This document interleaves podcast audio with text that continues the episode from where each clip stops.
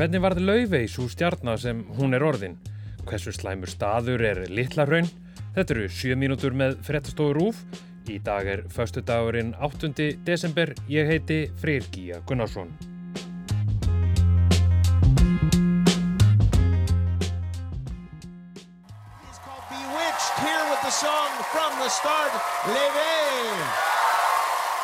Hér er Laufey að syngja í þætti Jimmy Kimmel.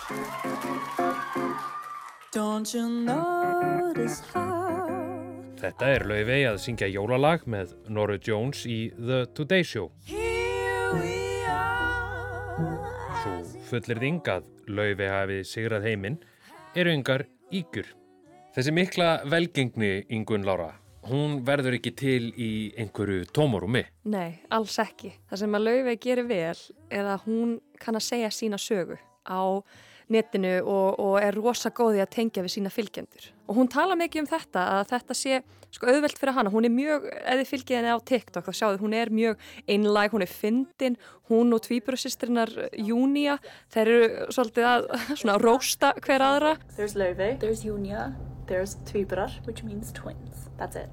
og, og sýnir svolítið svona úr sínu lífi og er líka bara algjör tónlistanörd og er svolítið sjálf svona mega aðdáandi yfir öðrum stjörnum og, og deilir því með sínum fylgjendum og þau sjá svolítið hvað hún er bara eins og þau, hún er bara eins og vinkona þeirra.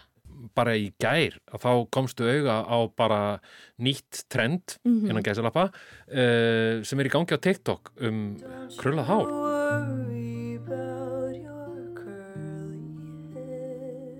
Já, emmitt, þetta er náttúrulega eitt af nýju lögum menna þar sem hún syngur hérna ekki hafa ágjur af, af krullaða hárun ykkar og, og þetta er svolítið svona oh, þetta, þetta er svona indislegt trend þar sem emmitt ungar stelpur sem hafa kannski verið með mjög krullað hár og hafa einhvern veginn fundið sér knúna til að slétta það mikið til að svona vera, ég veit ekki sætar eins og, eins og samfélagi vill að það er verði að þær eru svolítið að deila þessu lægi og sína bara, hei, ok, ég má vera eins og ég er, ég þarf ekki að steikja hári mitt til að vera sæt og hún svolítið hún er þarna hjá þeim, hún er að gefa þeim svolítið svona leifi til að vera þær.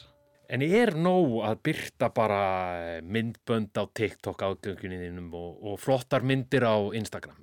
Nei, ég minna að sjálfsögð ekki. Ég held að í grunninn, sko, alveg í grunninn, þá er hún einlæg, hún er rosa góð í að tala við fólk og svona og vera svona ekta, ekta á netinu. Það eru bara ekki allir sem geta það. Og þetta er bara þessi markasetning, eins, eins ljótt orð og það er mm. uh, að nota í, um listamann Einmitt. sem að hún náttúrulega klárlega er og það er dilstengum sem að horfir á hana.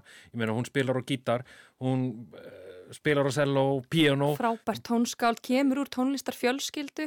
Það er, það er náttúrulega mikil dýftarna bak við hennar hæfileika.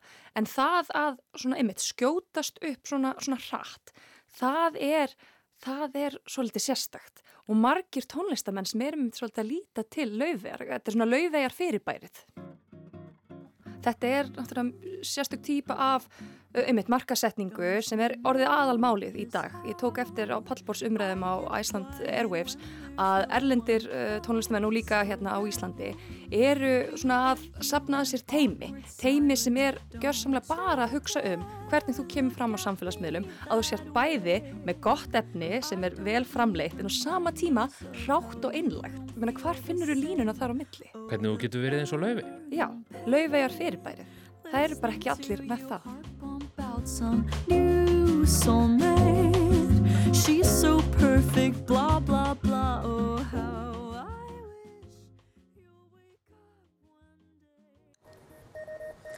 Ríkisendurskoðun gerir margvíslega rættugarsendur í stöðu fangelsismála Tvær skýslur hafa litið dagsins ljós um fangelsi landsins í vikunni. Ríkisendurskoðun skilaði sinni á mánudag Umbósmaður alþingis gerir margvíslega ratúasendir við og í gær byrtist álit umbósmanns alþingis um stöðuna á Littlarunni. Það hafa komið út tvær skýslur, önnur frá ríkisendurskoðanda, hinn frá umbósmanni sem að báðar draga upp bísna dökka mynd af stöðuna á Littlarunni. Sveitnandri, undan hverju kvarta þínir skjólstæðingar helst þegar að þeir eru komnir inn á Litlarunn? Já, fyrir utan það auðvitað hvart yfir ófrelsunu, þá náttúrulega er, er margt þann inni sem, sem auðvitað gerir refsinguna alveg ekstra slæma. Það sem er náttúrulega upplifingjarni hjá þeim er að þeir eru komnir einhver staðar bara á sjött, aftur í sjötta áratugin síðustöld eða, eða þeir komnir í einhvað ósér gengið austur-euróst fangelsi sko. Þetta er, þetta er svo mikil hurrandi tímaskekkja þetta fangelsi og að, hálfa væri hellingur. Ríkisendurskoðandi fann sérstaklega húsnæðinu sem getur verið heilsuspillandi fyrir fanga. Og húsnæðið og aðstafa er, er þannig að gíska umurleg. Þannig að við náttúrulega verið sjálfur í, í skýslutökum í þeirri álmu uh, sem, sem, það sem er gæsluvaraldið var lengi uh, og svo náttúrulega hefur maður bara farið út um allt fangilsi og þetta er náttúrulega nógu slemt að vera fangilsi en, en þetta er svona ekstra að þurfa að vera þarna ekki ímynda mér og þannig upplýði ég þetta alveg. Ég er hann það hafa vakið aðtikli í hversu mikilli niðurnýðslu sumir hlutar fangilsisins voru. Svo náttúrulega er þessi skortur á þjónustu og það eru þetta allt og mikið af því að, að menn með sko annarkvort alvarlega fíkni sjúkdóma eða alvarlega geðsjúkdóma séu vistar í fangilsi og það, þetta, þetta er svona stærsta vandamáli held ég. Hvernig verður mönnum við þegar að þeir eru kannski búinir í skýrstutöku og þú segir, voru það að fara í gæslavarald á litlarinn? Þetta er þetta einstaklingsmyndið, en, en mér sem bara harðir af sér sko.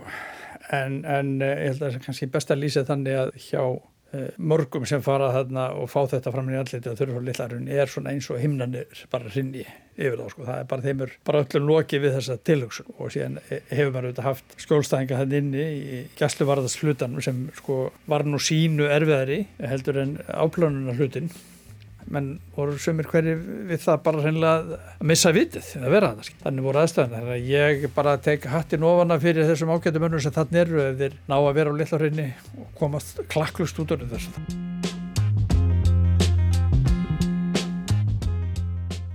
Þetta voru sjö mínútur með frettstofur úf.